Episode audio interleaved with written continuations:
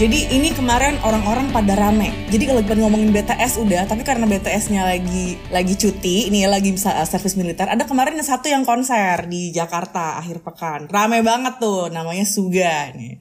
Cuman kali ini kita ngomongin BTS yang lain udah.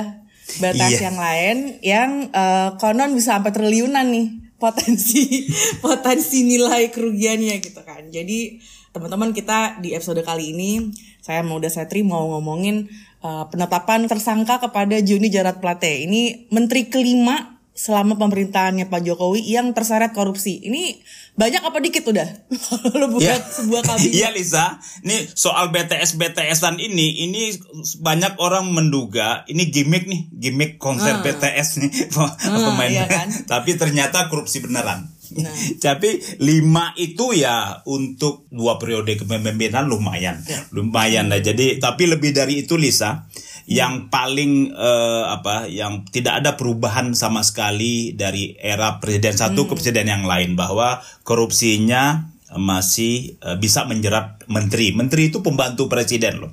Artinya ada yang salah. Apa yang salah? Kesalahan pertama adalah proses rekrutmen. Jadi jadi rekrutmen yang tidak proper membuat orang-orang yang bermasalah masuk. Yang kemudian pengawasan gitu. Jadi jadi ya ini nasib bangsa ini. Jadi di era SBY dulu menterinya banyak yang masuk. Di era Jokowi Aduh. ada harapan tapi juga banyak lima orang tuh bukan bukan jumlah yang sedikit gitu. Iya. Jadi kemarin ketika diumumkan jadi tersangka tuh netizen tuh dulu kan kesel ya karena eh, biasa kalau main kominfo kan orang keselnya pasti karena blokir blokiran gitu kan.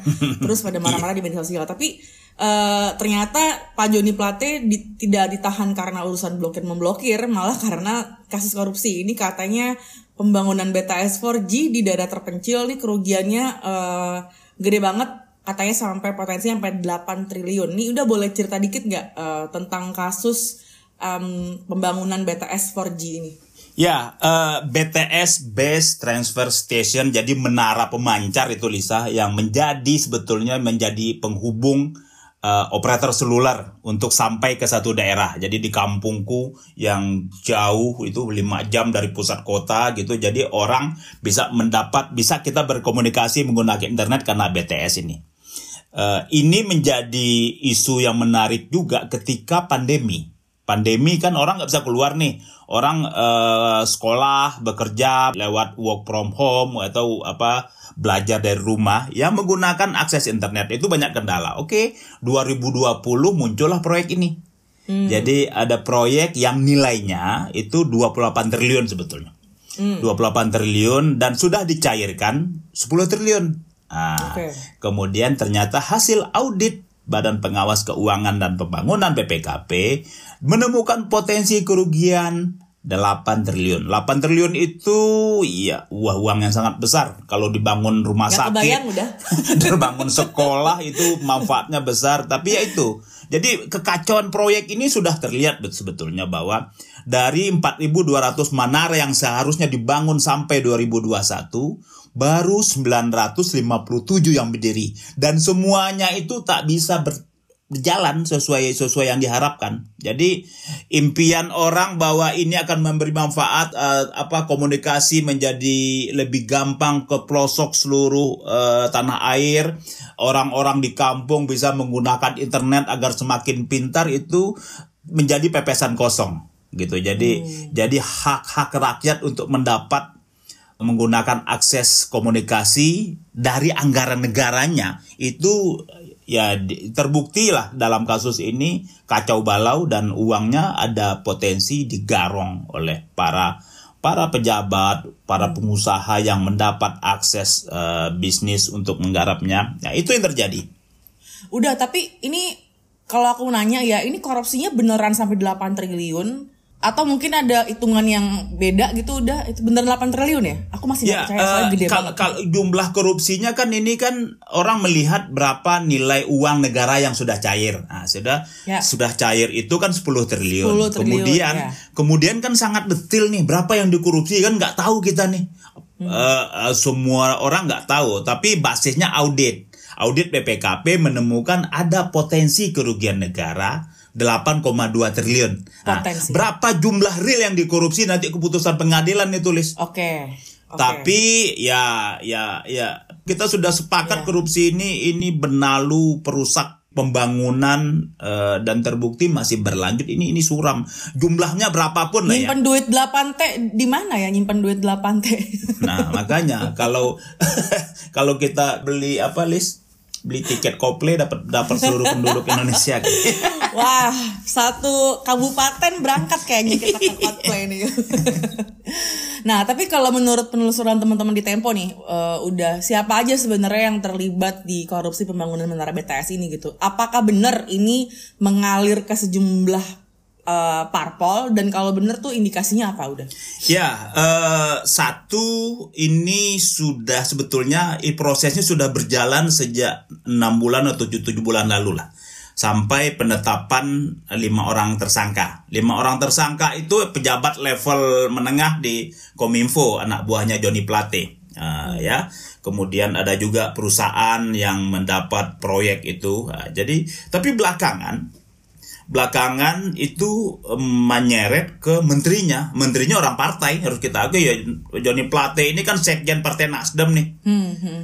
Eh, ketika ini terbuka, beredar dan kita juga menemukan indikasi bahwa sejumlah tokoh-tokoh partai itu itu juga kebagian ternyata tidak langsung biasalah mana ada orang yang langsung dia pakai vehicle perusahaan cangkang atau atau dia titip temannya segala macam tapi di atasnya ada dia jadi jadi ini mengalir ke segala penjuru dan ya, ya, kita kalau bisa kutip Pak eh, Mahfud MD Menko Polhukam dia menyebut bahwa memang ini menjadi bancaan sejumlah partai dan sejumlah partai besar semua gitu loh. Jadi jadi kita menemukan itu dan ini kan masih berproses nih sama dengan proses di pihak kejaksaan dalam proses hukumnya.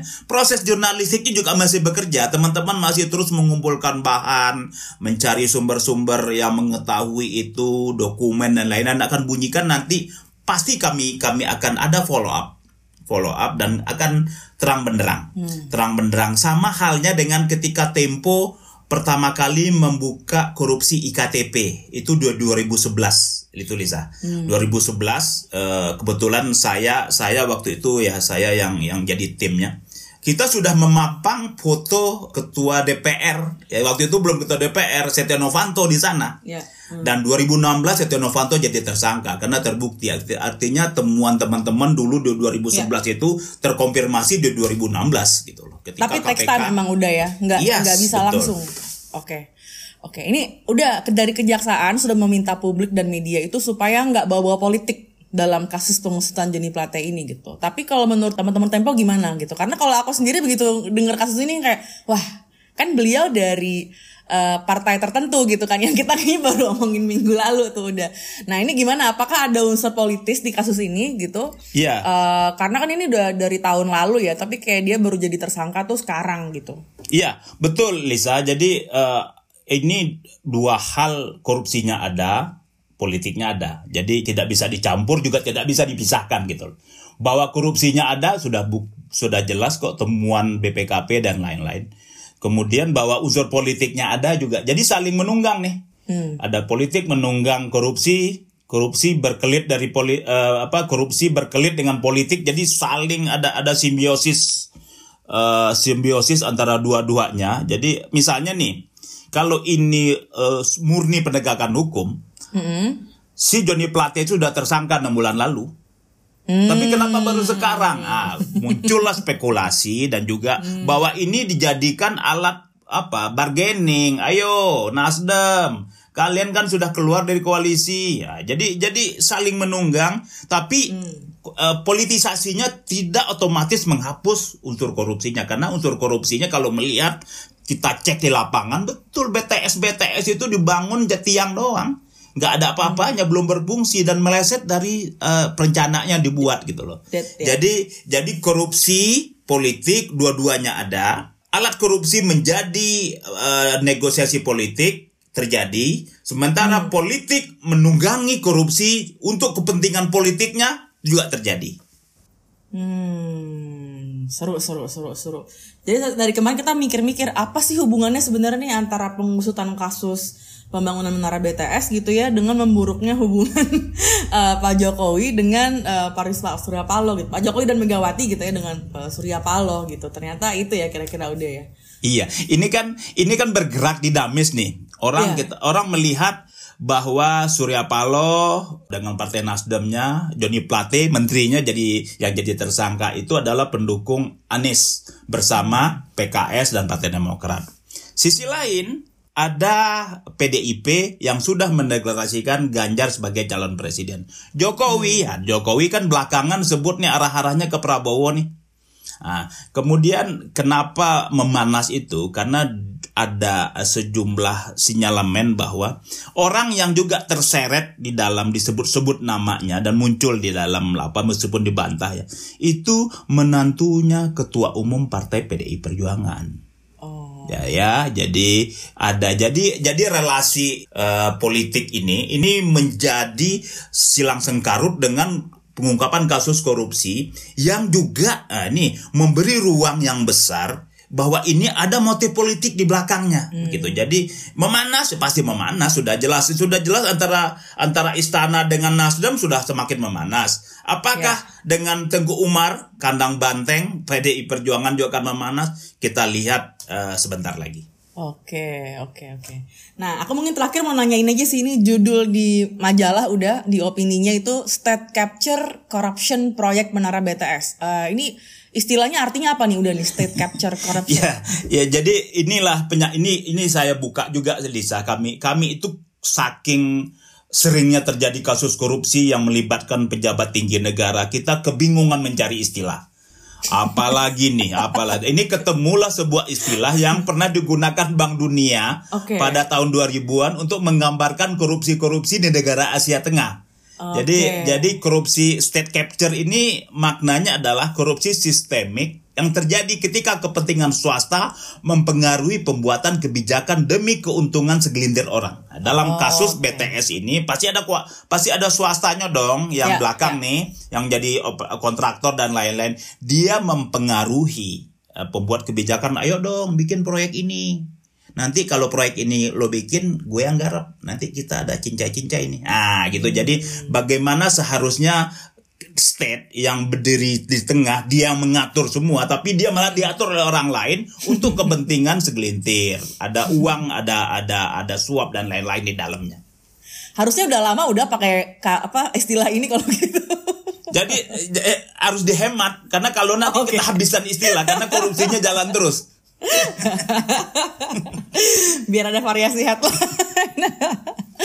Oke, udah tapi menurut Uda sebenarnya ini pengusutan kasus ini tuh ada bawa-bawa angin segar nggak ya? Soalnya kan memang dia uh, nyenggol ya menyeret tuh partai-partai di koalisi pemerintahan gitu.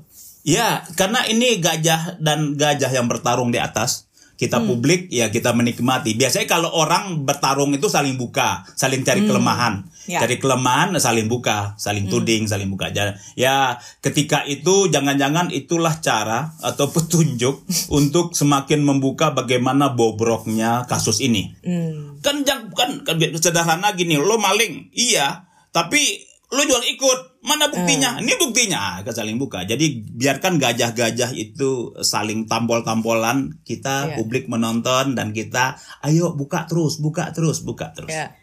sama ini sih udah yang aku juga menarik adalah ini kejaksaan kok sekarang kayak lebih ber uh, apa ya lebih presence lebih kerasa gitu dibanding KPK untuk urusan korupsi. Atau udah nggak ngerasa gitu juga nggak? Iya karena karena KPK-nya lemah KPK-nya berhasil dilemahkan, eh, KPK-nya masuk ke rumpun eksekutif dan uh, jaksanya sudah jelas rumpun eksekutif yang komandannya presiden.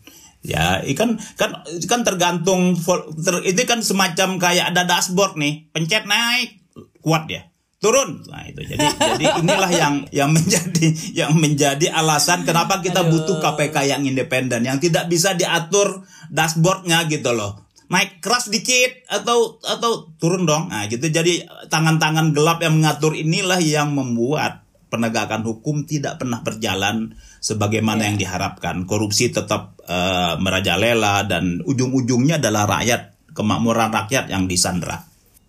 Kadang kita mikir kalau kayak gitu di pemerintahan kita pakai chat GPT aja udah pakai biar biar errornya berkurang gitu. Berkurang.